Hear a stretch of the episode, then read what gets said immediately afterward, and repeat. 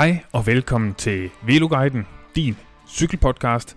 Stedet, hvor vi nørder cykling, og vi gør os umage, også selvom vi ikke lige har en Pro Tours kontrakt. Mit navn det er Mads Bang, og jeg er jeres vært. Jeg håber, I øh, alle sammen har det godt. PT har jeg det faktisk rigtig godt.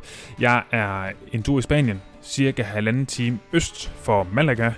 Et helt fantastisk område med de vildeste stigninger og nærmest ikke eksisterende trafik.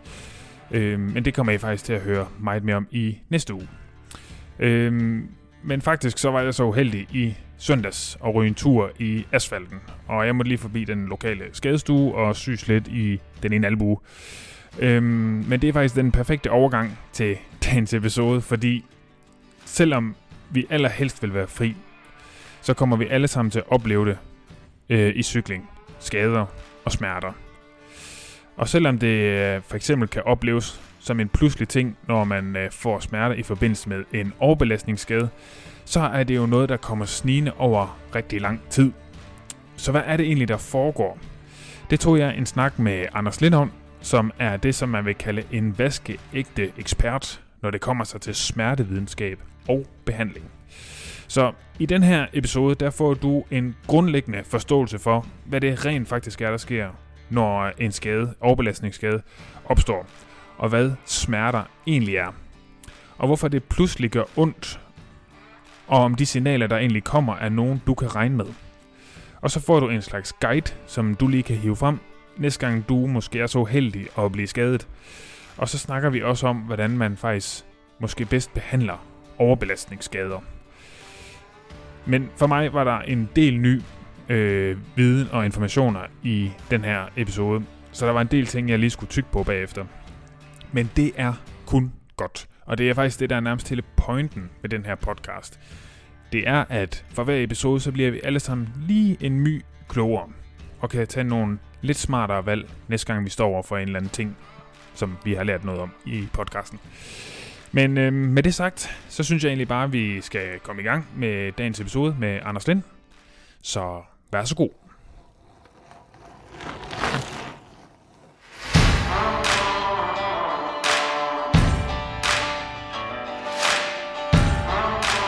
Anders Lind, velkommen til Veloguiden. Nu er vi jo snart uh, fuld hus på familien Lind, tænker jeg. Jamen, øh, tak fordi du vil se mig, Mads. Ja, velkommen. Kan jeg få det lidt tættere på med den her? Ja. Yes, ah, det er perfekt. Vi, øh, vi kender jo hinanden. Du har lavet noget træning for mig tidligere. Og øh, du ved en satans både om cykeltræning selvfølgelig, og, øh, men så ved du også rigtig meget om smerter og om skader, og det er egentlig det, vi skal snakke om i dag. Øh, men jeg tænker, det vil give mening, hvis du starter med sådan ligesom at lave en lille hurtig præsentation af dig selv. Ja, jamen øh, mit navn er Anders Lind, og øh, sådan til daglig så ernærer jeg mig som leder i Frederikshavn Kommune. Jeg har en baggrund som fysioterapeut, og så øh, har jeg været øh, licenscykelrytter sådan on-off, siden jeg var 17 år, med nogle pauser indimellem.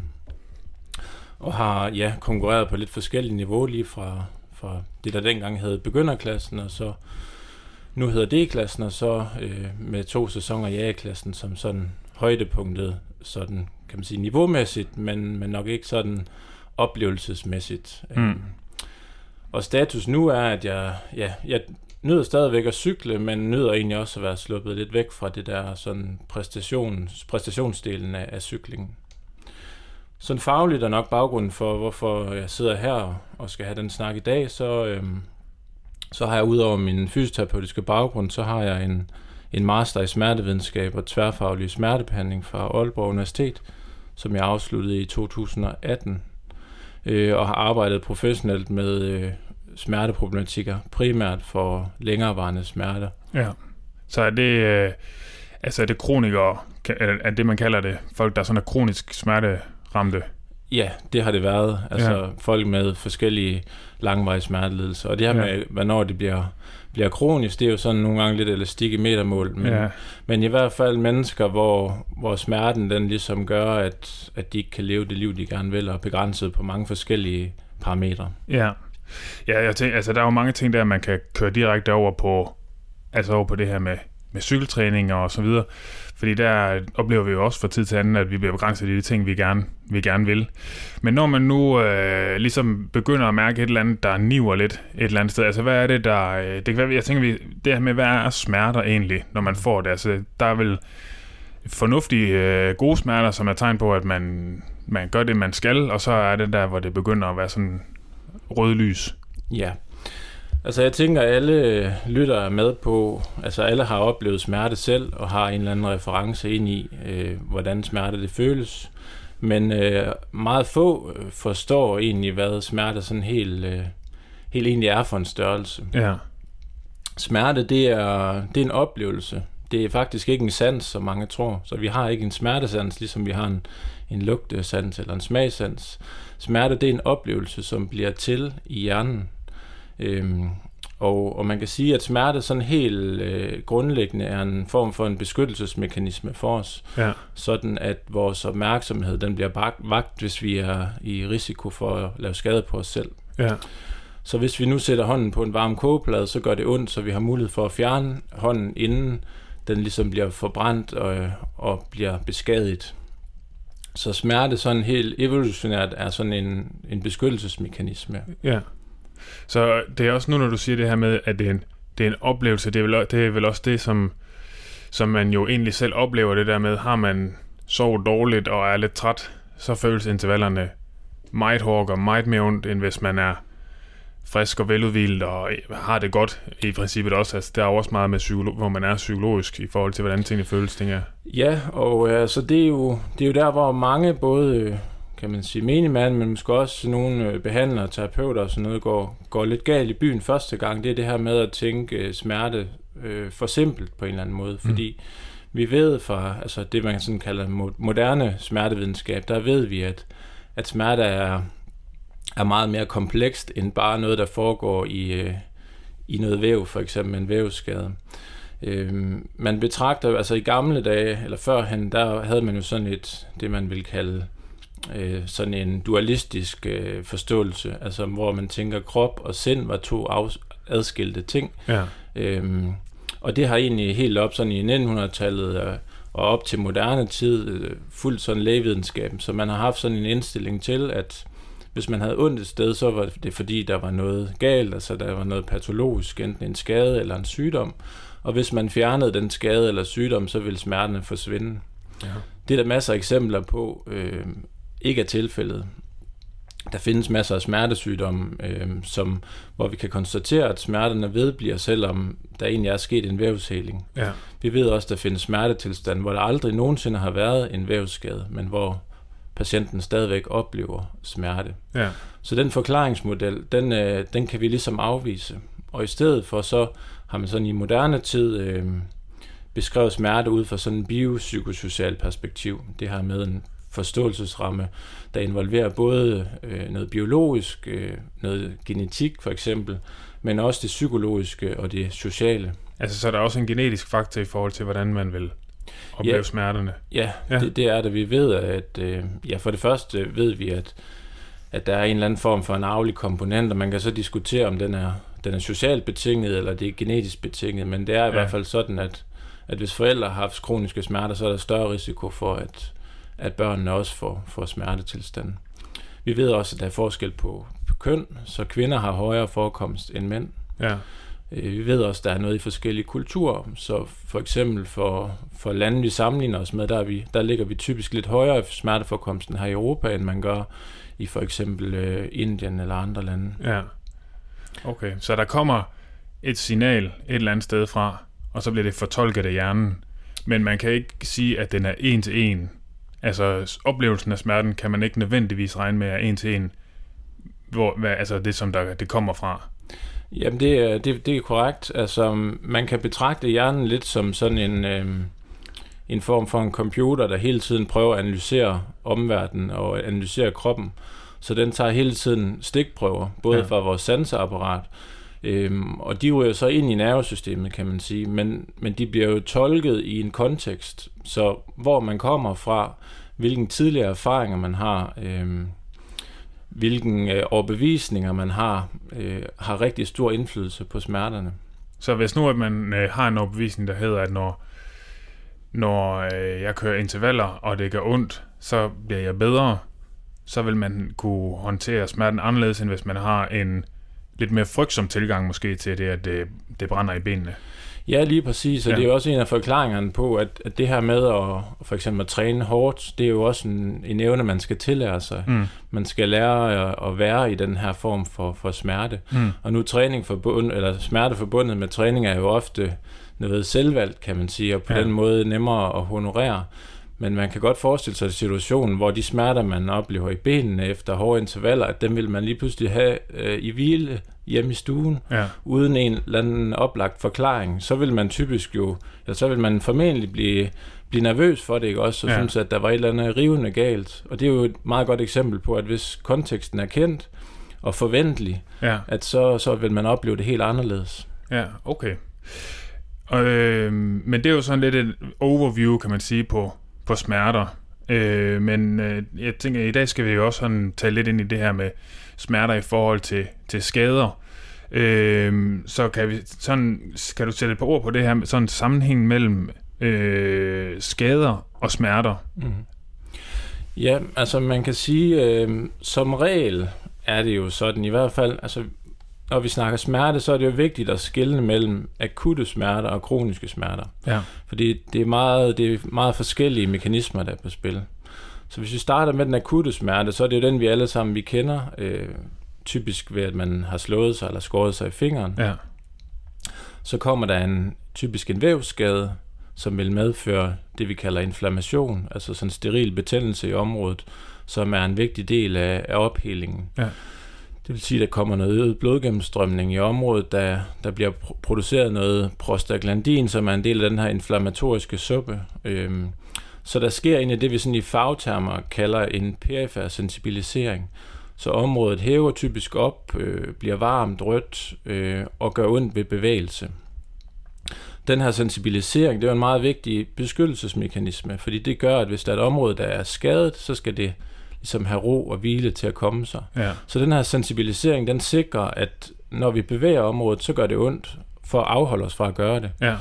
Øhm, og så er det jo typisk et forløb, at når man giver området ro og hvile, så vil øh, vævsskaden lige så langsomt hele op, og det gør den jo, at uanset om ja, det er en diskusprolaps eller et snitsår i fingeren, eller alt væv heler, kan man sige. Ja.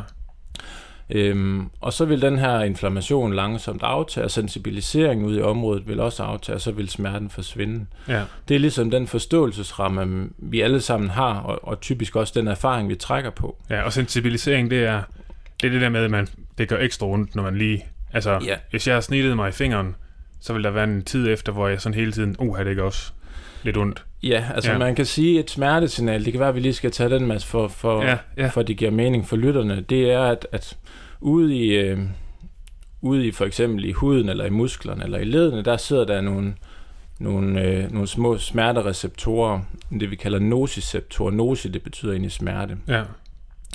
Når man øh, overskrider en vis tærskelværdi øh, for de her nociceptorer, så sender de et smertesignal igennem nervesystemet. Og det kan være for temperatur, kulde, varme, det kan være for mekanisk stimuli, for eksempel et tryk, eller et stik, ja. Eller et slag, og det kan også være for kemiske ændringer. Øh, det kan også være med strøm. Ja. Det er egentlig de forskellige øh, øh, parametre, der kan, der kan provokere smertesystemet. Når man så øh, overskrider den her tærskelværdi, så, så sker der det, vi kalder et aktionspotentiale. Det vil sige, at der bliver sendt et nervesignal igennem en, en perifer nerve øh, i de smerteførende fiber, det, som hedder C-fiber eller A-delta-fiber. Og de, øh, det smertesignal, som egentlig er en elektrisk strøm, det ryger igennem øh, nerven ind til rygmagen i baghornet, og så bliver det sendt via det, man kalder de spinotalamiske baner til hjernen. Og der rammer det først thalamus, som er sådan hjernens banegård, hvorfra at, at signalet bliver øh, hvad skal man sige, sendt ud i resten af hjernen. Ja. Og i hjernen, der, der er det både øh, områder, der har med erkendelse af, hvor er hvor kommer smerten fra, hvor stor er omfanget af intensiteten, men det bliver også sendt i hjernen, der trækker på øh, tidligere erfaringer og bevisninger. Øh, der bliver også aktiveret sådan de endokrine systemer i forhold til øh, stresshormoner, ja. mobilisering af, af sukkerstoffer og sådan nogle ting. Så da, da, hele hjernen er mere eller mindre involveret i en smerteoplevelse. Ja, okay.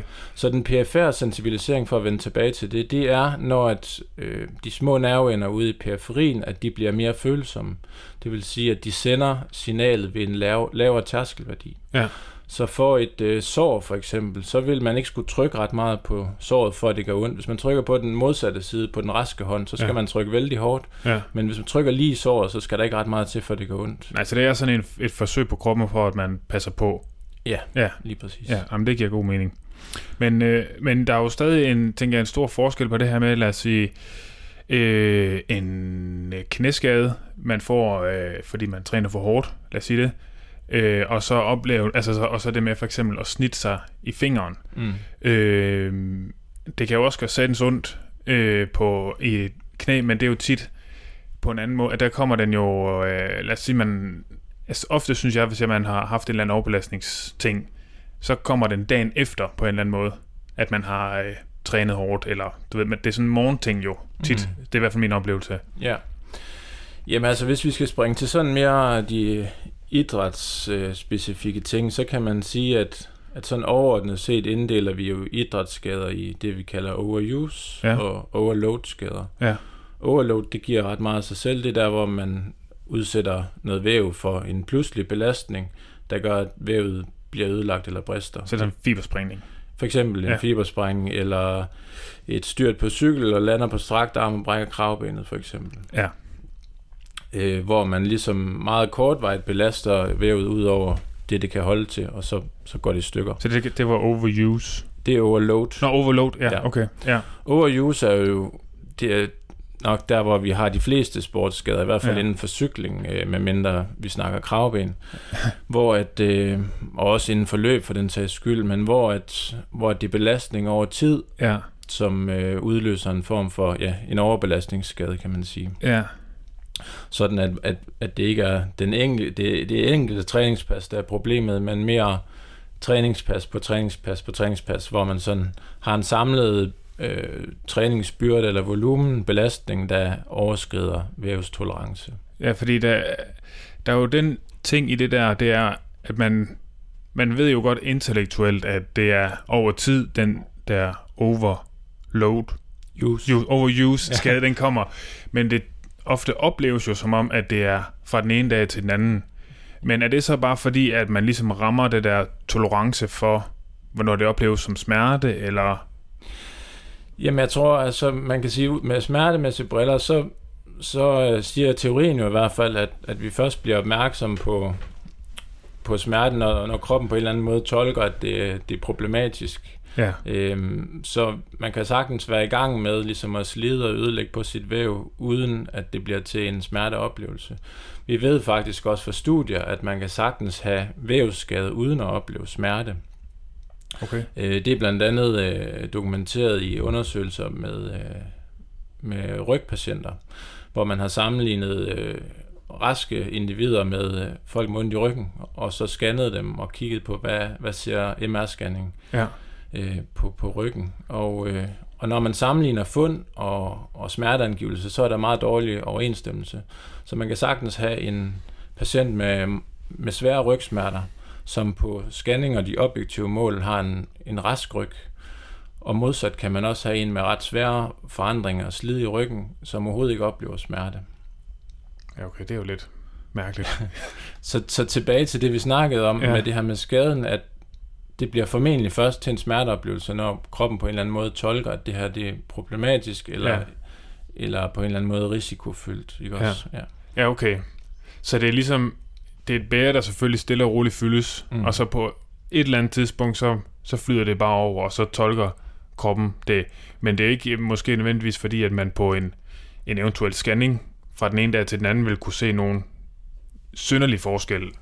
Nej, ikke, ikke sådan, at man kan sige, at den ene dag er der noget, der, der, der ikke er i stykker, og så ja. dagen efter, hvor man mærker smerten, at så kan man se, ups, der var der lige sket noget, nu er det, nu er det i stykker. Ja, Øh, men det er jo sådan, at, at sammen med de her overbelastningsskader, vil der jo i hvert fald i nogle tilfælde være en eller anden grad af inflammation, ja, som man for eksempel vil kunne se på en ultralydsscanning.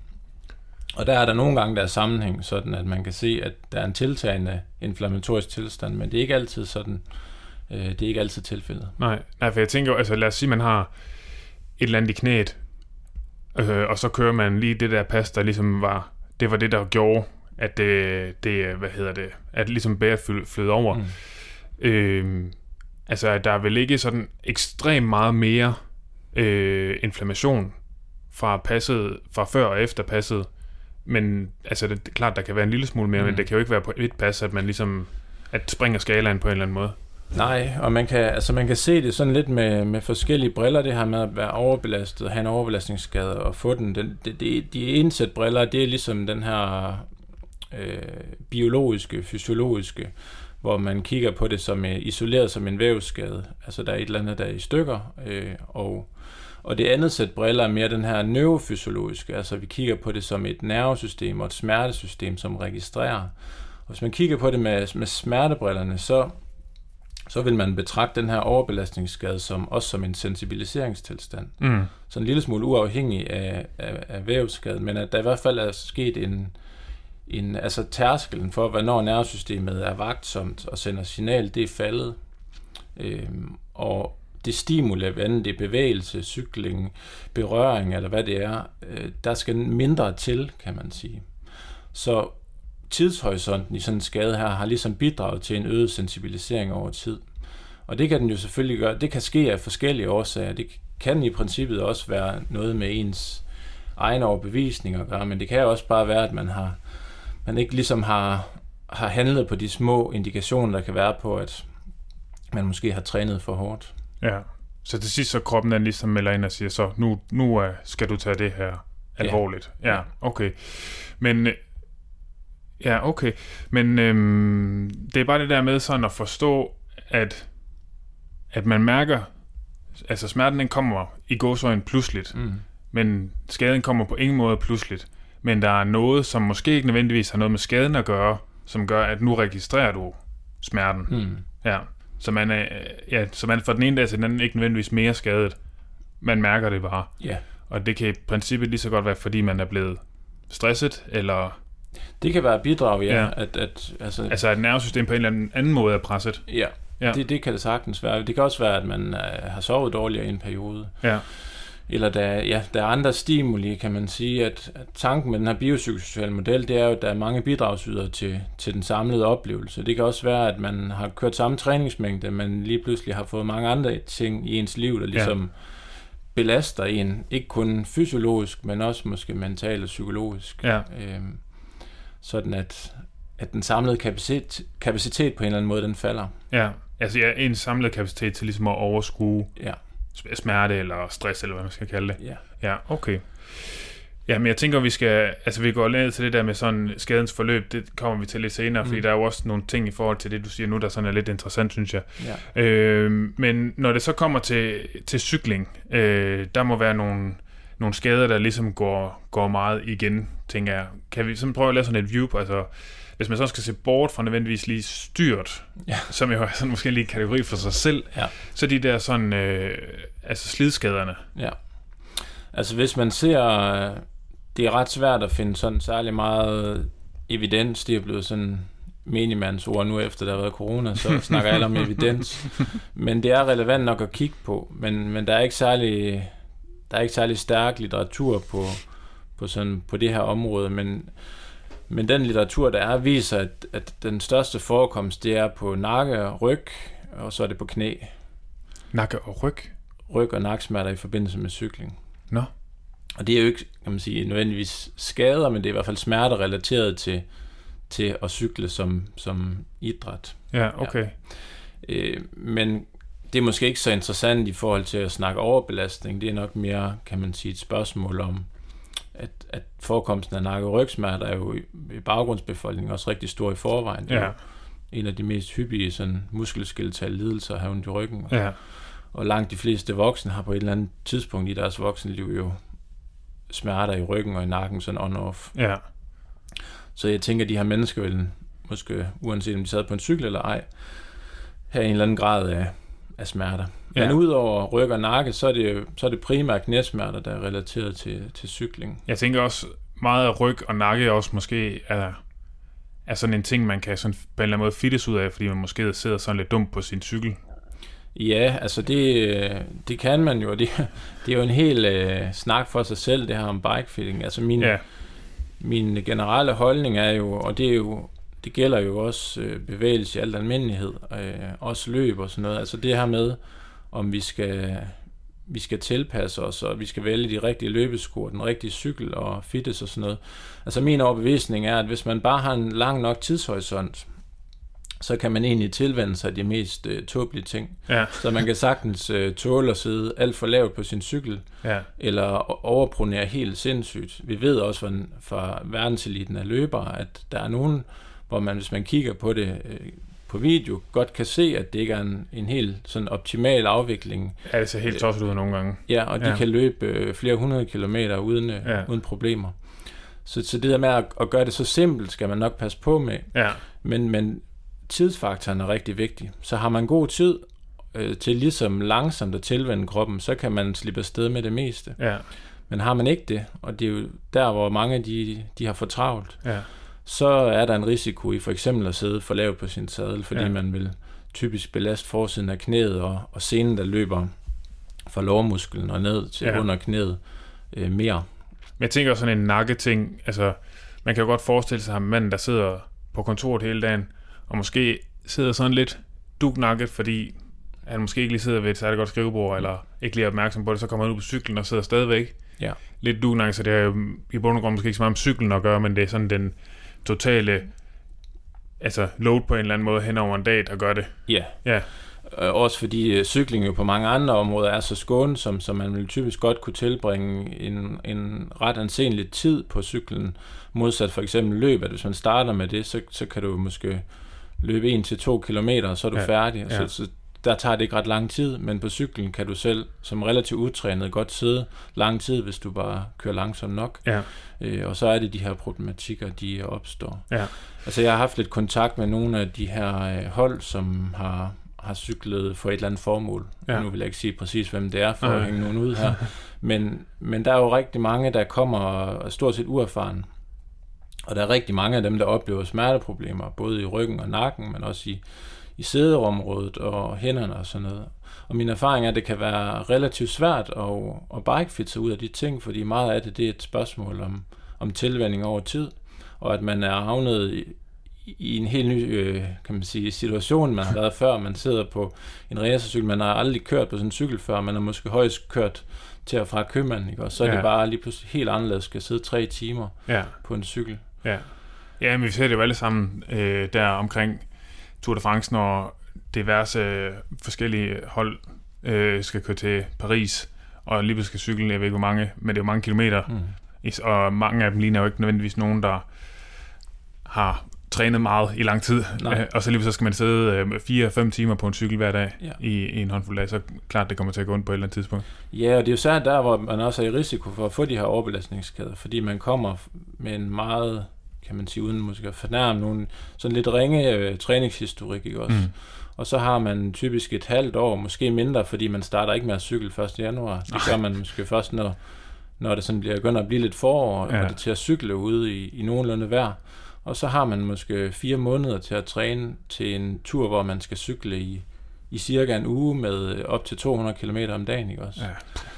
Ja. Øhm, og det er sådan opskriften næsten på, at det skal gå galt. Ja, Det er næsten mærkeligt, hvis det ikke gør. Ja, ja jamen, det er jo faktisk rigtigt. Det, er- det er næsten heldigt, at det ikke er for flere. Det, det går galt. Mm. Men, øh, men det du så nævner som en...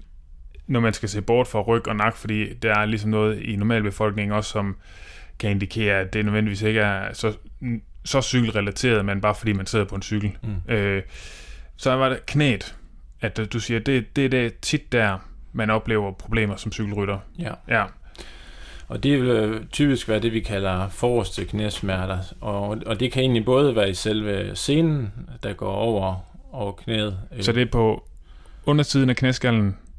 det er over knæskallen. Det er Så over hvis du mærker Okay. direkte på knæskallen, så Ja. det du mærker, altså det umiddelbart føles det som knogle, men der Ja. løber en scene over, Ja, som er det, der hedder patellascenen. ja, Og den, øh, den udspringer egentlig fra den, de store lårmuskler, ja. og så hæfter ned på underbenet. Så når man træder i pedalerne, eller for den sags skyld rejser sig fra en stol, så går al kraften fra lårmusklen, den går ned igennem den scene, der trækker i underbenet. Det er ligesom forudsætning for, at der sker en bevægelse i knæledet. Ja. Øh, og man kan godt forestille sig, hvor mange kræfter, der går igennem sådan en scene der. Ja, på, på en hel dag eller en hel cykeltur, det er mange. Ja. ja. Så en ting er, at den enkelte kraft, den er jo ikke så stor, men det der er med cykling, det er jo, der er rigtig mange repetitioner. Ja. Øhm, så har man nogle kadence på 80-90 stykker og cykler i, i tre timer. Ja, jeg kan ikke engang regne ud i hovedet, hvor mange det bliver, men det bliver mange i hvert fald. Ja, ja. Øh, så lidt tilbage til det her, det er jo ikke den enkelte belastning, men det er de, de mange belastninger lagt sammen. Ja. Øhm, og så er der risiko for, at man kan få øh, en irritation af den her øh, patellascene, og, og, bliver, og det, det kan, den kan både komme akut, sådan at det, man mærker lidt, lidt ømhed, og så, øh, så kan det forsvinde igen. Det kan også blive sådan en mere permanent tilstand, Ja. øh, hvor scenen er, er sådan lidt mere kronisk inflammeret, Ja. og hvor man kan se på, på ultralydsscanning, at der begynder at ske nogle ting i scenen. Der vil måske være flosset, der vil være noget øh, indvækst af kar i scenen, hvilket ja. ikke er normalt. Nej, det er jo den problematik, jeg har nede i min, øh, Ja, ja, i min fod. så når man scanner scenen, så vil man kunne se, at der er sådan en større gennemblødning af scenen, mm. øhm, og, og man vil typisk have ondt. Øh, og så, så er det lidt en anden øh, historie, fordi så er der ikke længere sådan den her ak- akutte inflammation længere. Det bliver mere sådan en kronisk øh, inflammation, hvor, hvor scenen egentlig på, på en eller anden måde er blevet, blevet syg. Mm. Øhm, og så har man det, der hedder en tendinopati. Ja. Og det er lidt en anden situation. Ja, som, som, så er der lang vej igen. Ja, i Ja. hvert fald så, øhm, så, så virker de der traditionelle øh, tiltag ikke længere. Så har man en tendinopati, så vil man ved hvile, jo, man vil måske få en lille smule lindring. Det tænker jeg også, du har oplevet, at hvis du lader være, så, Ja, ja, så lindrer det lidt. Men lige så snart man går i gang med Ja. at lave noget igen, Ja. så er det tilbage til det samme. Yes. Så vi kan ikke længere bruge øh, den, den strategi, man, man bruger ved sådan en simpel, øh, en simpel inflammation øh, med at holde hvile og så tid, det, så forsvinder det. Altså her der vender det typisk tilbage, lige så snart man begynder at belaste en lille smule. Ja. Så der skal man prøve at ændre strategien. Ja. Og så, men så er vi jo så, så begynder vi at bevæge os over i noget, der går fra sådan, som du siger, en akut skade, som er sådan kortvarig og kan komme og, og gå, der kan man jo, altså, og så man vil, altså man vil nærmest vel over i noget, man vil kalde kronisk, fordi der ligesom er en, en sådan decideret ændring mm. i scenen. Ja. Øhm, og altså nu ved jeg jo bare fra min øh, sådan oplevelse, så har jeg jo jeg har fået en blokade. Øh, det har hjulpet noget tid. Mm. Og øh, så har jeg holdt masser af pauser, øh, og det er så heldigvis kun løb, jeg ikke kan. Øh, men altså lige så snart, at øh, jeg løber bare lidt, og, og sådan gentagende gang, altså så kommer det igen. Mm.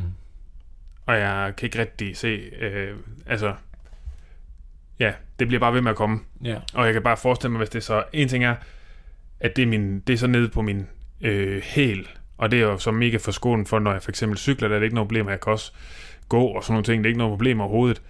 Øh, men jeg kunne forestille mig knæet, altså skulle få den tilstand i knæet, at jeg, jeg vil næsten ikke kunne, øh, altså det, det virker, virker nærmest voldsomt at skulle tænke over og, og få den, Ja, det siger du nok. Jeg har faktisk øh, jeg har haft øh, den tilstand, der har det egentlig øh, stadigvæk sådan lidt on-off, øh, og har også ja, få, i sin tid fået dokumenteret, at det var det, der var tilfældet. ja, Øh, og det er sådan et andet perspektiv, vi godt kunne prøve at trække frem. Øh, da jeg cyklede rigtig meget, øh, og var sådan på springet til at skulle, skulle i A-klassen, øh, og ville det rigtig meget, det var ligesom mit mål at, at, at komme derop.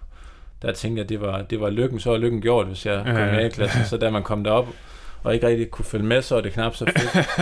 men, øh, men der trænede jeg meget, og så lige pludselig så fik jeg den her ømhed i, i højre knæ, øhm, og sådan helt klassisk det her med, at kan lige få sådan lidt ind, yes, sådan er smukt. helt klassisk med, at, øhm, at der var sådan lidt en, den her triade med, at det, der er begyndelsesmerter, og så når man har været i gang et stykke tid, så aftager smerterne en lille smule, og Ja. så, så, så når man kommer hjem og sådan noget, så bliver det egentlig værre igen. Øh, og den tilstand stod på et stykke tid, hvor man som, ja, man kan jo godt kalde det sådan lidt elitesportsmand, i hvert fald trænede jeg hen af, hvad man vil sådan sige er, er måske elite, øhm, de her ja, 15-20 timer om ugen eller sådan noget. Ja. Og øh, så fortsætter man jo nogle gange længere, end man end fornuften egentlig dikterer. Ja, Og på et eller andet tidspunkt var det her så slemt, at jeg blev nødt til for at kunne træne og skulle have smertestillende og også måtte køre hjem for træning ofte øh, før tid. Og så fik jeg det undersøgt, og det viste sig, at, at der var en tendinopati i, i patellascenen. Og så, øh, som læger altid siger, så siger du skal bare lade mig cykle. det er pisse svært, hvis, hvis man har en identitet som cykelrytter, Ja, ja, og synes, at det er lige nu her i de her år, man skal, man skal præstere. ja. Øhm, så det tænkte jeg, det skulle han fandme ikke bestemme. Og så prøvede jeg at fortsætte, men det, det fungerede ikke rigtigt. Og så øhm, var jeg tilbage og fik en blokade, ligesom du gjorde, ja. Og oplevede en meget kortvarig effekt, og så var Ja. det egentlig det samme. Og øh, så prøvede jeg, og øh, på det tidspunkt, der, der var jeg, enten så var jeg i gang med at læse til fysioterapeut, eller så var jeg lige færdig. Så, så jeg havde det der med i bagagen, jeg kunne bare ikke sådan rigtig bruge det på mig selv. Men indså nok, at øh, det var nødvendigt at tage en eller anden form for en pause, eller i hvert fald prøve at aflaste det. Så jeg tog en 3-4 uger helt uden cykling, øh, og stadigvæk ondt i knæet, og Ja. prøvede at starte op på nogle få timer, og havde også ondt i knæet. Så på et eller andet tidspunkt, så besluttede jeg mig for, at nu giver jeg det her et år, og så cykler jeg med ondt i knæet, og ser, hvor langt jeg kan komme. Og når det år det er slut, og jeg er stadigvæk ondt i knæet, så stopper jeg med at cykle på konkurrenceniveau. Og så indfandt jeg mig ligesom med, at jeg skulle træne med, med en vis grad af smerte i knæet. Og så skete der det over et halvt års tid, at det blev gradvist mindre og mindre, og til sidst så forsvandt min knæsmerter faktisk mere eller mindre. Så dukker de op en gang imellem, og det gør de egentlig til stadighed. Jeg kan godt have få dage, hvor jeg mærker noget for knæet, men jeg kan også have dage, hvor jeg overhovedet ikke gør. Så det er sådan lidt andet perspektiv, Mads, på det her med ja. at have egentlig en tilstand, som kan dokumenteres, men det her med at, at acceptere det, og prøve at fjerne fokus fra det, Ja, at det har gjort et eller andet for mig i hvert fald, i forhold Ja. til, at jeg ikke oplever smerten så, så, øhm, så begrænsende i hvert fald, som den var tidligere. så på en eller anden måde, så har du jo også bare... Altså, du, du er først blevet ekstra sensitiv i området, fordi der ligesom er kommet en eller anden inflammation dernede, Mm. og så har du bare accepteret, jamen okay, den smerte er der, og så på et eller andet tidspunkt, så har dit nervesystem så bare givet efter, Mm. og okay, han stopper ikke alligevel, så der, jeg kan lige så godt lade være med at blive med at sende de her, nerve, altså de her Ja. signaler, fordi Ja. det er sådan lidt, ja, Ja, man kan sige, at nu er det lang tid siden, jeg har fået en scanning af knæet der, men jeg er Ja. helt sikker på, at scanner man scenen, så vil man stadigvæk se, at den er flosset, og der Ja. er karindvækst i den, Ja. og den ser ikke uh, specielt god ud. nej, Øhm, men når man har haft sådan en længerevarig problematik, så ud over den her sensibilisering, som er nede omkring knæet, hvor tærskelen falder, som vi har snakket om, så sker der også det, man vil kalde en central sensibilisering, altså hele centralnervesystemet bliver mere effektivt til at transmittere det her smerte signal. ja, Så der sker ændringer helt ind på baghåndsniveau i rygmarven, men det gør der også i hjernen. ja, Så de områder i hjernen, der registrerer smerte, bliver bedre til det. Og det er jo sådan kontraproduktivt, kan man sige. Ja, vi gerne er- have, det var ja. modsat. Øh, og, og det kan, ved nogle patienter kan det blive så, så stærkt, det her, at selvom man egentlig totalt fjerner den oprindelige udløsende årsag, så vil det her loop i centralnervesystemet stadigvæk kunne køre af sig selv og Ja. vedligeholde smerteoplevelsen. Øh, og så har man jo sådan en, en helt kronisk øh, tilstand, som, som godt kan blive ret kompleks. ja, Men i forhold til mit problem, så tænker jeg, at, at en ting er, hvad der sker ude i vævet, men noget andet er, ja, som du selv siger, det der sker i, i nervesystemet. Og den her beslutning om øh, at gøre det på trods, ja. tror jeg, at, og, og det, det her mindre fokus på selve smerten, og hvor meget der kunne, og hvornår jeg skulle stoppe og sådan noget, det gjorde, at, øh, ja, at jeg kom til at tænke på noget andet. Ja. Øh, og, og smerten trådte en lille smule i baggrunden. Øh, og det tror jeg, at den her ja, man vil egentlig kalde det sådan en klassisk konditionering. Øh, nogen øh, refererer til det her forsøg, som ham russeren Paulo han lavede, hvor han, han fodrede hunde, og så ringede han med en klokke samtidig. Og så på et eller andet tidspunkt, da de oplevede det nok gang, så bare han ringede med klokken, så begyndte hunden at savle, som sådan Ja. en eller anden indlæring af, at når, når der sker et, så kommer der efterfølgende noget andet. ja, Og det kan man også, den reference kan man sagtens bruge til sportsskader også, at hjernen er jo hele tiden på arbejde for at tolke, og hvis vi mange gange har oplevet, at det gør ondt at træne, så er vores hjerne forudprogrammeret til øh, og, og ligesom opleve det. ja, og til, ja, okay. Ja, så nærmest bare det, at okay, nu sætter han sig for at cykle og laver bevægelsen, Mm. og så ikke engang det, at der er noget, nødvendigvis noget signal at sende, så tolker hjernen det som, Okay, det er, det er farligt det her, fordi vi har været vant til at få så meget smerte for den her bevægelse. Ja. Ja, okay. Øh, og det er det, man, det vil man kalde konditionering, og, øh, og det er jo også en vej at gå. Nu kommer vi måske til at snakke lidt behandling senere. Ja, Men, men, at, men at tage udgangspunkt i den der konditionering, og så prøve at se, kan man komme omkring det på en eller anden smart måde, ja, sådan at man ligesom genlærer hjernen, øh, at bevægelse er okay. ja. Ja, for det kan godt være, at vi egentlig skal, skal tage lidt den nu, øh, det her med sådan, øh, altså skadens forløb. Øh, men jeg vil sådan ret gerne tilbage til sådan lidt det, som vi øh, er lidt omkring nu, fordi, øh, men det, jeg tænker bare, det næsten er, er en del af det her. Øh, fordi altså, der er jo mange, der oplever den der med, man får, man tænker, okay, jeg har fået en skade. Der er, jeg har ondt i knæet, det har gjort under noget tid, så tager man til læge, så siger lægen, du skal tage 14 dage, hvor du ikke laver noget, så siger man, ja, jamen, det har jeg gjort, og det har man måske ikke, men det siger man, og så får man henvisning til en fysioterapeut, der også siger, nu skal du øh, slappe af, og så skal du lave de her elastikøvelser, og så øh, går det forhåbentlig i sig selv. Øh, altså det der, den ting er den, at vi mange, der har oplevet øh, mere eller mindre.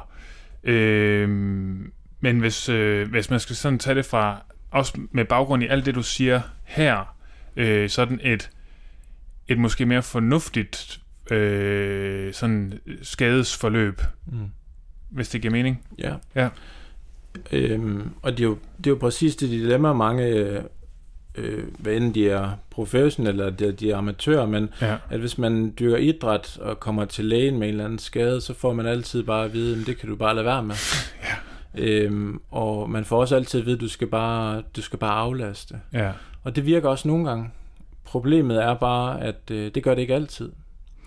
Og øh, så, øh, så er der ikke som regel ikke rigtig noget alternativ. Så øh, medmindre man lige frem kan operere det eller et eller andet, det er jo sjældent en god idé, når vi snakker idrætsskader og overbelastningsskader og sådan noget. ja. Og jeg tænker også især, når man snakker knæ, eller ah, altså de der steder, hvor der virkelig er sådan stor bevægelighed i, der ja. Er det vel sjældent en god idé at begynde at gå ind og skære. Ja, også fordi det er jo ud fra en præmis om, at det er, det er 100% et spørgsmål om væv, øh, Ja. og noget, der er i stykker, altså tilbage til den der lidt apparatsfejlsmodel. Ja, ja. Den tager jo slet ikke højde for alt det, der sker i, i vores nervesystem og i smertesystemet. Nej. Øh, og, og tingene er aldrig enkle, så der er sikkert bidrag for begge dele. Ja. Øh, operationen gør ikke noget godt for, for den sidste del i hvert fald. Nej, den kunne måske endda forvirre nervesystemet mere, tænker jeg. Det er, Ja, at man har sikkert. åbnet og skåret i noget. Der kommer jo en akut øh, vævsskade i forbindelse med en inflammation ja. øh, og, og operation, at, Ja, som, som midlertidigt vil forværre det. Og hvis man gør det i et område, der allerede er sensibiliseret, så vil der jo ske en, en yderligere sensibilisering. Det kan næsten ikke undgås. ja, Øh, og det er også en af grundene til, at, at, at for forskningen ved vi, at har man i forvejen en smertetilstand, inden man bliver opereret, så er der større risiko for altså postoperative smerter, og også øh, mere kroniske forløb. Øh, så det der med at operere i et område, hvor man har haft mere eller mindre kroniske smerter, er sjældent en, en god idé. Det ved vi også fra rygområdet. Kroniske rygpatienter, hvis vi opererer på dem, så, så er det meget ofte, at de får et øh, dårligere forløb af det. ja. Ja, okay. Nå, men det er faktisk godt, så skal jeg i hvert fald ikke have øh, skåren i... i øh, nå, men, øh, men tilbage til det med sådan øh, skadens... Øh, skadens forløb, hvis vi kan, vi kan eventuelt bare tage udgangspunkt i øh, den problem, problem, øh, problematik, som du selv har, har stået i. Ja. Øh, man begynder at få lidt ondt på, på forsiden af knæet, eller øh, det, ja, hvad siger du, det er lige omkring knæskallen, Ja, agtigt man begynder at, ja, altså så vil man jo så vil man jo typisk starte med at skulle have en forklaring på, hvad der er galt. Ja. Uanset, så vil det jo være en god idé at, at opsøge en eller anden form for noget fagprofessionel hjælp, enten det er en læge eller det er en fysioterapeut. ja, Øhm, og det er altid en god idé. ja. Og der er vi jo mange, der føler lidt, at lægen er lidt bare en rigtig irriterende dørmand, for man kan komme hen til nogen, der forhåbentlig ved lidt mere. Ja. Øh, og det man kan sige, man kan bruge lægen til, det, det, det er to ting. Det er dels sådan en, en vurdering af, er det her en eller anden form for noget alvorlig patologi? Mm. Øh, og det er selvfølgelig ikke særlig tit, men, men øh, sandsynligheden, den findes. Øh, og når jeg siger alvorligt, så er det jo sådan noget som for eksempel cancer, Ja, som øh, vi havde et, øh, en, en ung knægt i cykelringen for, for år tilbage, som fik øh, knæ- og hoftesmerter. Først i det ene led, jeg kan ikke huske, om det var knæet, der kom først, og så bagefter hoften. Øh, hvor man, og han cyklede meget på det tidspunkt, hvor man umiddelbart ville tænke, at det var en form for noget overbelastning. Det viste sig, at han havde leukemi, Ja, okay. Så derfor, hvis man har haft de her længerevarende problematikker, er det altid fint at have en lægefaglig vurdering. Ja, Øh, læger, de er spe- specialister i medicin, ja, og de har sådan et overordnet blik, og rigtig godt blik for, om der kan være alvorlig patologi til stede. ja, De er ikke særlig gode i forhold til genoptræning og sportsskader. Nej. Det er i hvert fald meget få læger, der er.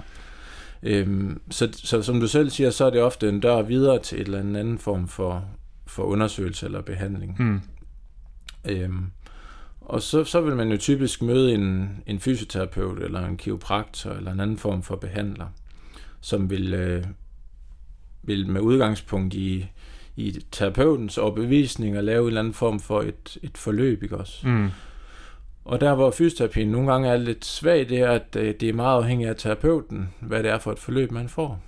Øhm, og det er også derfor en af baggrunden for, hvor jeg synes, det er, det er interessant at sidde og snakke her, det er også fordi, jeg håber, at man kan sådan øh, udvide sin horisont en lille smule i forhold til at se lidt bredere på de her problemer. ja, Øhm, med udgangspunkt i, i den skade, jeg havde, så vil man som, som terapeut tænke, at en tendinopati, den skulle, den skulle øh, behandles med tung, langsom styrketræning. Det er sådan øh, best practice, kan man sige, inden for ja, Til det er sådan sceneskader vel, ikke? Fordi man ved, og det er sådan lidt øh, modsatrettet, men man ved, at den, en overbelastningsskade, den skal egentlig behandles med belastning. Ja, Og det er også der, hvor nogle læger, de løber lidt galt i byen, fordi de tænker, hvis det er noget, der er kommet af belastning, så skal man fjerne belastning, så går det væk. ja, Men mange af de tilstande, de skal faktisk behandles med en eller anden form for belastning. ja, for jeg tænker også især, når man snakker seneskader, er man ude i et område, hvor der ikke i forvejen er super meget blodgennemstrømning, og hvis man lægger stille, kommer der kun mindre. Jeg tænker, eller, Ja, men Ja. ja. vi ved med tendinopatier, at, at hvis man, er, man aflaster og ikke gør noget, så svækker senen egentlig sig selv. ja, Øh, og noget af det, der er rask senevæv, det bliver erstattet af sygt væv, arvæv og karindvækst og sådan noget. Så det er rigtig vigtigt, at man bliver ved med at belaste scenen. ja, Der, hvor det bliver svært, det er jo at, at gøre det gradueret og Ja. tilpas, ja, øh, sådan at, at man ikke belaster scenen for hårdt, øh, men heller ikke for lidt til at få en effekt. ja, Og der kan smerte nogle gange være sådan en dårlig markør. Og hvis man så har en behandler, hvad det er læge eller fysioterapeut, som i frygt for, at, at patienten overgør noget, eller, eller ikke har forståelse for de her mekanismer, siger, at du, du må træne ind til smertegrænsen. Ja. Jamen, så kan man ikke træne. Nej. Man kan måske heller ikke gå en tur. nej, Skal man så ligge på sofaen? ja, Det, det skal man jo ikke. nej, Øh, Så der er behov for, at den, der, der, der varetager genoptræningsforløbet, har en forståelse for det her. Ja. Altså, hvor, hvor ondt må det gøre, ja, øh, og hvilken guidelines kan man give patienten, både så de får en øh, effekt af træningen, men også at øh, man ikke gør dem unødigt bekymrede og vagtsomme. For hvis jeg siger til dig, at øh, du må træne til smertegrænsen, og hver gang du træner, så gør det ondt, jamen så bliver du jo selvfølgelig bekymret og frustreret over, at, at det kan ikke rigtig lade sig gøre, og fortvivlet, fordi hvad skal du så gøre? Jeg har sagt, at du skal træne, men det må ikke gøre ondt. Øhm, så det her med at give patienten nogle, øh, nogle brugbare værktøjer, ja, øh, og også en forklaring, altså det vi vil, i fagsprog vil kalde patientuddannelse. Så havde det været dig, der har haft en idrætsskade, så kunne den snak, vi har haft her, måske bare lidt anderledes, men den kunne være meget relevant, fordi Ja. Øh, når du går herfra med, så har du sikkert en, en lidt bredere forståelse af, hvad, hvad handler smerte egentlig om, ja, og hvad er det for nogle ting, der bidrager til den samlede smerteoplevelse. ja, Og det er jo vigtigt også for, for sådan en med ondt i knæet at forstå, at det er ikke nødvendigvis kun et spørgsmål om noget, der er i stykker nede i knæet, men, men andre ting også. ja. Men altså, man, lad os så sige, man finder, altså, man får, får diagnosen, når man vil, vil som udgangspunkt starte med ligesom at, at skære noget belastning fra, uanset hvad, eller hvordan.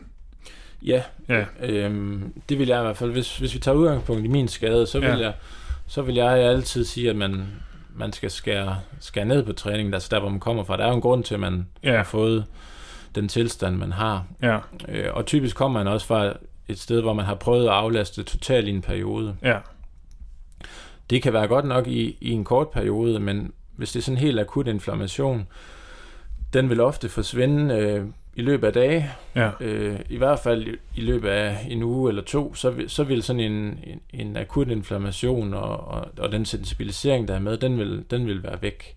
Så hvis det vedbliver ud over det, så, så kan man godt begynde at tænke, jamen, så skal man lave en form for noget træning stadigvæk. Ja. Øh, og jeg vil jo se det med de her smertebriller, så udover selvfølgelig at være velvidende om, at vi skal styrke noget væv, i det her tilfælde senevævet, så vil jeg også prøve at arbejde aktivt med den her konditionering. Altså prøve at se, om jeg kan træne på et niveau, hvor jeg, øh, hvor jeg ikke er generet af smerterne. Det kan godt være, at de er der som en eller anden form for en baggrundssmerte, men, men i hvert fald ikke, hvor det forstyrrer mig så meget, at, at jeg ikke øh, kan holde det ud. Ja, så prøv sådan at, ja, det der du også selv lidt sagde, altså sådan fjerne fokus lidt fra det. Ja. Ikke lade det uh, bekymre en for meget. Ja, Men altså det, som, så det første man gør, det er altså en akut, vil man sige, opbremsning. mm. Øh, stopper blødningen, ja. øh, kan man måske sige. Og så øh, er, er der ikke sådan en, en, og det skal jo egentlig, som du siger, det skal være en ret hurtig effekt. Mm. Det skal være i løbet af et par dage, man Mm. skal altså mærke en markant forbedring. Ja. Øh, og hvis ikke den kommer, altså så, så er det jo så at finde ind i en rytme med noget træning, Ja. så man laver den belastning, der skal til for at ligesom styrke området, i stedet for at lade det svinde hen. Ja, og der har vi jo ofte som fagpersoner, nu taler jeg på min egne, min egen faggruppes vegne, men vi har jo ofte nogle meget simple forklaringsmodeller. Ja, Så hvis der kommer en med ondt i ryggen, så siger man, du skal lave rygøvelser for at træne kåren, ja, eller de dybe stabiliserende rygmuskler. Og så tror vi, det er det, der gør, at rygsmerterne forsvinder. Hvis det er en med løberknæ, så tænker vi, at vi skal, vi skal styrke musklerne omkring knæet, så det bliver mere stabilt, og så forsvinder smerterne. Det tror jeg helt personligt er en meget forsimplet forståelsesramme. Øhm, og vi ved også for for eksempel rygpatienter, at det er, det er sådan set lige gode resultater, om de går en tur, eller de laver specifikke rygøvelser, når vi snakker sådan kroniske rygsmerter. ja, Bare det at bevæge sig virker, Ja. næsten uanset hvad filen du sætter dem til. ja, Så, så jeg ki- kigger på det lidt mere med de her konditioneringsbriller, at det handler om, hvad end det er idræt og bevægelse, eller det man kommer fra, for eksempel cykling, men doseret lavere, eller det er nogle øvelser omkring knæet, så handler det om at opbygge en eller anden form for tillid til, at det er okay at bevæge sig, og bevægelse ikke nødvendigvis medfører smerte ja, det udelukker jo ikke det andet, at der stadigvæk er noget væv, der har godt af at blive styrket. Sådan. Men jeg tænker, man skal have begge sæt briller på, når man tilrettelægger genoptræning. ja, Og da vi arbejdede lidt med din akillesen, Mads, der var det jo også det her med at, at have nogle ret korte træninger og noget gå, Ja. øh, noget gang og sådan noget i starten. ja, ja, Jeg ved ikke, om du er opmærksom på det på det tidspunkt, det tror jeg ikke, vi talte om, men det her med, at det var vigtigt for mig, at du også havde en oplevelse af, at du kunne faktisk godt lave noget bevægelse, Ja. ja. uden at det blev provokeret helt sindssygt. jo, helt klart. Så, så en ting er den sådan egentlig øh, træningsdosering, men noget andet er det her med at, at prøve at overbevise nervesystemet om, at, at det, det er okay. Ja, ja, det kan faktisk. Ja. Ja. jeg synes jo egentlig, altså, den, det er jo faktisk ret inspirerende, det du siger med, for, altså med dit eget eksempel. Altså, så siger du, okay, nu giver det bare et år, Mm. og så må det gøre ondt, og så er det det. Altså, fordi øh, det er jo næsten det eneste tilbage, jeg ikke har prøvet at gøre, øh, altså for eksempel ved min situation Mm. med min øh, akillescene hælproblematik Mm. der, det er jo bare at acceptere det, og så bare lade det være, Mm. øh, og så se, hvad der sker. Ja. Øhm, så det, er jo, altså, det synes jeg jo er meget interessant. Men øhm, okay, så der er i hvert fald et eller andet... Jeg, det her, jeg tænker også, at den her samtale kan være med til sådan ligesom at give folk et andet udgangspunkt fra, når de tager ind, altså så man har noget andet at komme ind til sin fysioterapeut med, eller sin læge, at man har nogle andre øh, redskaber med, og kan stille nogle andre slags spørgsmål, øh, og have den her forståelse for, at, at smerten er ikke noget som helst øh, facit, eller øh, noget, du nødvendigvis kan, kan regne med på nogen måde.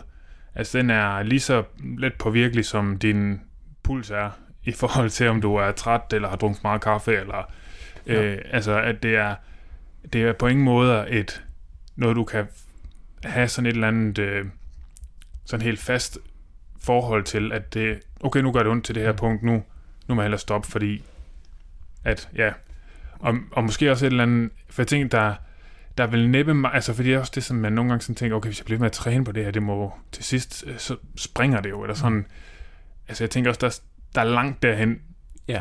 altså at man kan lave sådan helt, så meget skade, at lortet det, altså virkelig brænder helt fra, altså går helt fra hinanden. Ja, og, og altså, det er jo heller ikke sådan, jeg siger, at, at løsningen på alle overbelastningsskader, altså det er min egen oplevelse, det her. Ja, At, at det er jo ikke altid bare at, at køre på, men jeg tror, at nogle gange skal man heller ikke være bange for, ligesom at prøve at sige, okay, det gør ondt, men det bliver ikke værre fra gang til gang, jeg træner. Ja. Det, det gør bare ondt, og ja. det, det gør det hver gang, men det er stadigvæk måske en smerte på 4 ud af 10. Ja. Det er det, det har det været i tre uger i træk nu. Ja. Uh, uanset om jeg træner lidt eller meget, ja. okay, så er, det ikke, uh, så er der ikke noget i, i selve træningsdoseringen, der, der er i hvert fald ikke uh, kan man sige, en-til-en forhold mellem det. Nej. Og det var det, jeg tænkte, at hvis, hvis jeg kan træne tre, tre timer og have ondt, og jeg kan træne uh, 15, og det gør ikke mere ondt, ja. så prøver jeg at træne 15, og så ja. ser hvad der sker. Ja. Og så oplevede jeg bare, at det blev bedre. Ja. Ja, det er jo også faktisk en helt vildt vigtig point at have med, det her med, at der er, altså der er to problem, problemstillinger i din skade. Der er vævskaden, som er, den er, hvad den er. Mm. Og så er der din, dit nervesystem, eller din, altså din smerteoplevelse ja. af din, din hjerne, ikke? Mm. Og at, at begge dele kan få det til at gøre lige ondt, eller hvad man skal sige. Ja. Ja. Øh, om, og som sagt i indledningen, der, så man kan sagtens have, også have vævsskade uden at opleve smerte. Vi har alle sammen sikkert prøvet at skære os i fingeren, ja. og så først opdagede det, når vi så blodet. Ikke også? Ja. Øh, og vi har også alle sammen prøvet at have hovedpine. Når man har hovedpine, så er det jo ikke fordi hjernen, den, der er noget galt i hjernen. Nej. Man har bare ondt. Ja. Øh, så der, der, der er masser af eksempler på, at smerte sagtens kan forekomme uden, øh, uden vævsskade, og også det modsatte. Ja. Ja, fordi jeg tænker, det, altså der, hvor man så kan sige, at den bliver lidt kompliceret på en eller anden måde, det er jo det der med, hvor meget man så skal acceptere, mm. at det gør ondt. Ja. Og det, det tror jeg, det er også meget, det er svært at give nogle sådan eksakte guidelines på, ja, fordi det, det, det er igen øh, personspecifikt og også lidt kontekstafhængigt. Mm-hmm. Øh, Michael Ratliff, som er en, øh, en forsker fra, fra Aalborg, har lavet en hel del forskning på øh, overbelastning og idrætssmerter hos børn. Øh, og der er deres erfaringer fra flere af studierne, at, at øh, der, der har de lavet sådan en, en acceptabel smerte på, på sådan to-tre stykker på en 0-10 skala. Øh, og, og, og det har vist sig, at, at det, det er okay. Altså, der får de forbedringer over tid, de her. Altså, så, men det er svært at sige. Altså, hmm. Jeg tror, at den bedste guideline, det er, det er sådan en fornemmelse af, at øh, smerterne er der, men det ikke er sådan alt overskyggende, og det ikke fylder meget, og, og nok det allervigtigste, at det ikke sådan bliver værre fra gang til gang. Ja. Ja, så for eksempel hvis nu, at man, øh, at det var en smerte, der var i forbindelse med løb, at så var det ikke noget, der fik en til at halte. Ja, man, kunne, man kunne lave det, eller, eller altså det, nu, nu har man jo bare ikke noget ord for halt på cyklen, men, men altså det der med, at man, det gør ondt, men man kompenserer ikke. Nej. Altså det er vel det punkt, man kan gå til på en eller anden måde. Mere eller mindre. Ja, øh, og at man måske også, øh, jeg kan tænke på andre ting indimellem. Så ja. hvis man sidder og cykler med siden af en og, og snakker og sådan noget, så kan man godt i perioder lige glemme, at man har ondt i knæet for eksempel. Hvis smerten bliver alt overskyggende, så fylder det jo også rigtig meget i kan man sige, nervesystemet, og så, ja. så bliver det lidt kontraproduktivt i forhold til at, at prøve at bryde det. Men, men kan man komme dertil, hvor man, man kan træne med en eller anden mindre form af baggrundssmerte, så, så vil jeg, og det ikke bliver værre sådan fra gang til gang, ja.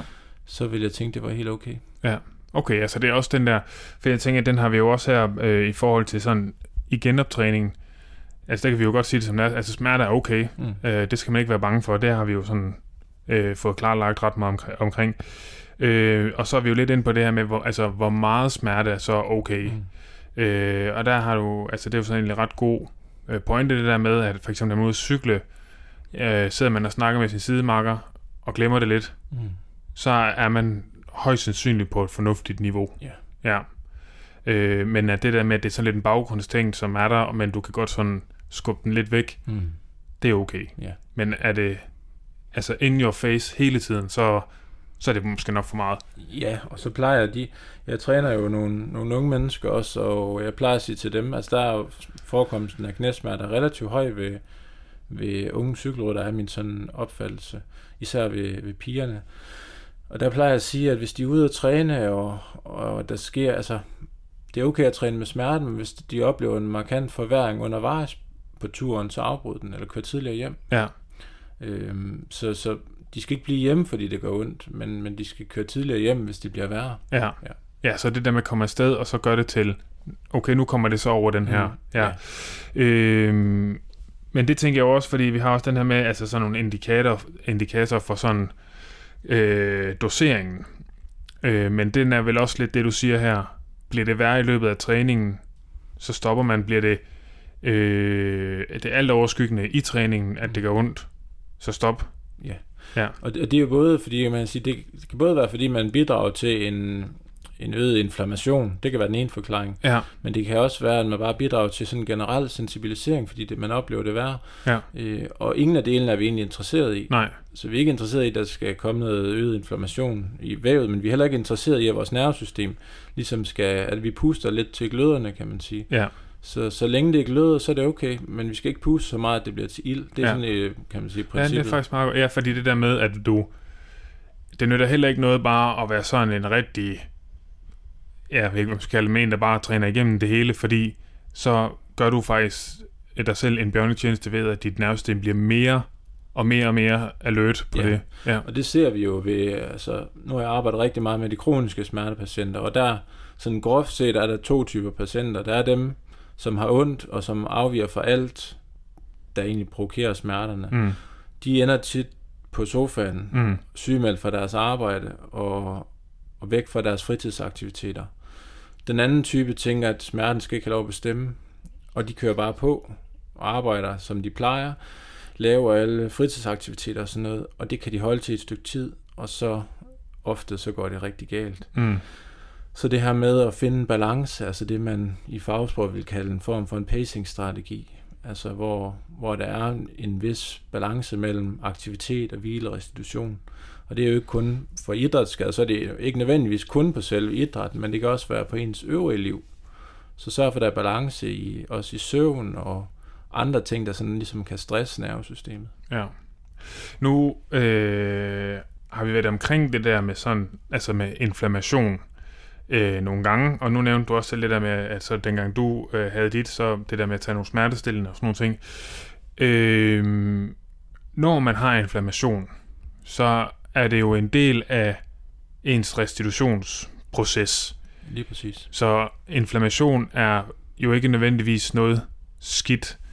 Det, er- der kan selvfølgelig komme sådan en eller anden overinflammation mm. Mm. måske. Øh, men som udgangspunkt, så er den der fokus på, at vi er væk fra inflammation i kroppen, er ikke produktiv i forhold til at, at blive bedre. Øh, det synes jeg jo nogle gange, man sådan kan se sådan en mærkelig sjov fokus på, at man skal have en million antioxidanter og sådan Hmm. noget, fordi så kan man nedbringe inflammationen i sin krop Ja, når inflammationen er den, der i bund og grund er med til at gøre dig bedre. ja. Øh, men i den øh, forbindelse, det der med sådan at skulle tage øh, smertestillende eller sådan inflammationsdæmpende medicin, at, det tænker jeg ikke i, i bund og grund er super smart, eller hvordan? Nej, altså man kan sige, øh, antiinflammatorisk medicin, altså det man vil i dagligt tale kalde gigtmedicin, Ja. det kunne for eksempel være Ipren, eller Ja. ja. det man kalder NSAID, Ja. øh, non-steroid antiinflammatoriske stoffer. Ja. Øhm, Ibumetin er et af de andre. Det vil virke på den måde, at man, øh, man hæmmer nogle af de enzymer, som producerer det her prostaglandin, som er en del af den inflammatoriske suppe. Ja. Prostaglandin, som vi snakker om tidligere, det er det, der er med til at sensibilisere nerveenderne, Mm-hmm. så de bliver mere følsomme, vi, vi sænker tærskelværdien. Så når nu man tager gigtpræparaterne og hæmmer de her to enzymer og producerer mindre prostaglandin, så vil sensibiliseringen i området også falde en smule. Og det vil nettovis øh, betyde, at man, man har færre smerter ude omkring det område, hvor man, man har sensibilisering eller inflammation. Mm-hmm. Men som du selv er inde på, Mads, så er inflammationen en vigtig del. Der er jo en grund til, at vi har den, kan man sige. Det er en vigtig del af ophelingen. Mm. Øhm, så hvis det er for altså en sportsskade, hvis det er sådan noget meget akut, kan man sige, og, og man har ondt og, og, og ikke kan sove om natten for eksempel, og sådan noget, så kan det være fint nok mm. i Mm. en kort periode at bruge noget NSAID. Men hvis det er de her længerevarende problematikker, øh, inflammation eller ej, så er det rigtig skidt at bruge NSAID. Ja. Øhm, og vi ved også, at dels så hæmmer man effekten af træning, fordi når vi træner, så laver vi jo en generel vævsskade i muskulaturen, kontrolleret vel at mærke, men en vævsskade, som heler, det er jo hele mekanismen mellem, med at blive bedre, stærkere og hurtigere, det er, at vi laver en skade på kroppen, mm. lader kroppen hele igen, og så bliver den stærkere til næste gang. Hvis man nu øh, tager de her gigtpræparater, så, øh, så hæmmer man øh, den her opheling her. Og vi, og vi ved, at, at man har en dårligere træningsrespons, så det har man også på genoptræning. Så generelt set anbefaler man ikke at tage de her stoffer til sådan lidt længerevarende problematikker. Og en anden ting er, at øh, NSAID, øh, de her enzymer, som producerer prostaglandin, er også med til at vedligeholde øh, slimhinden i mavesækken, hvilket er årsagen til, at de her typer medicin kan give mavesår, øh, og man også kan få ondt i maven og sådan noget. Ondt i maven er jo noget af det, man får først, men bliver man ved, og har man højt forbrug, så kan man få mavesår, og det er faktisk en livstruende tilstand, så det er noget, man skal tage alvorligt. Ja. Vi ved også fra, øh, fra studier, at øh, over 1200 mg i døgnet af NSAID, det øger risikoen for blodprop i hjertet, selv ved hjerte raske mennesker, der ikke tidligere har haft øh, hjerteproblemer. Okay. Øh, så der er risiko forbundet med det. Øh, op til 1200 mg, så er der ikke øh, risiko i forhold til hjerte, men jo stadigvæk i forhold til til Ja. mave og sådan nogle ting. Ja. Ja. Så, så NSAID er, bare, er, ikke, er ikke løsningen på de her lidt længerevarende problemer. Nej, så det der med at tage sådan en ibuprofen-kur, det er, det er der absolut nul logik i. Ja, Er det for, at du kan falde i søvn om natten øh, og holde ud at være til, så kan der være fornuft nok i det. mm. Øh, altså, fordi alternativet er, at du ligger vågen øh, øh, hele natten. Ja. Men at skulle bruge det som en kur hen over de der øh, syv dage eller fem, jeg kan ikke huske, hvor lang tid det er, man normalvis kører dem, det skal man være meget varsom med, og at man skal ikke forvente, at det forbedrer ens helingsproces på nogen måde. Nej, altså det, det, vil, det vil temmelig sikkert, hvis der er en akut inflammation, så vil det temmelig sikkert lindre. Ja. Men det der problem med, med, med sådan idrætsudøvere og sportsfolk, der sådan dyrker, dyrker træning på sådan tæt på elitært niveau, de, øh, de bruger bare den anledning til måske så, så kan jeg træne igen. Ja. Øhm, så, så, og så, øh, så laver man måske i virkeligheden skaden endnu større, end den, den var til at starte med. Ja, Så derfor nej, det er ikke, øh, det er ikke en god løsning. nej.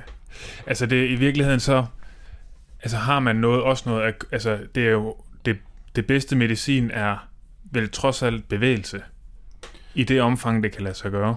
Ja, altså med mindre det sådan er, ja, hvad, hvad kunne være eksempler? For eksempel en fibersprængning eller sådan Ja, noget, hvor, ja, hvor man tænker, der er en helt, helt klar og, øh, årsag. Øh, men ret hurtigt, så skal en fibersprængning jo også, ligesom for at sikre, at vævet er smidigt og, og sådan noget holdes i gang. Øh, og det gælder egentlig på tværs af langt de fleste sådan, både akutte, men også kroniske smertetilstande, at bevægelse og aktivitet er vigtigt. ja, Vi ved også fra ja, de kroniske smertepatienter, at noget af det værste, man kan gøre ved folk, det er at sygemelde dem. Ja.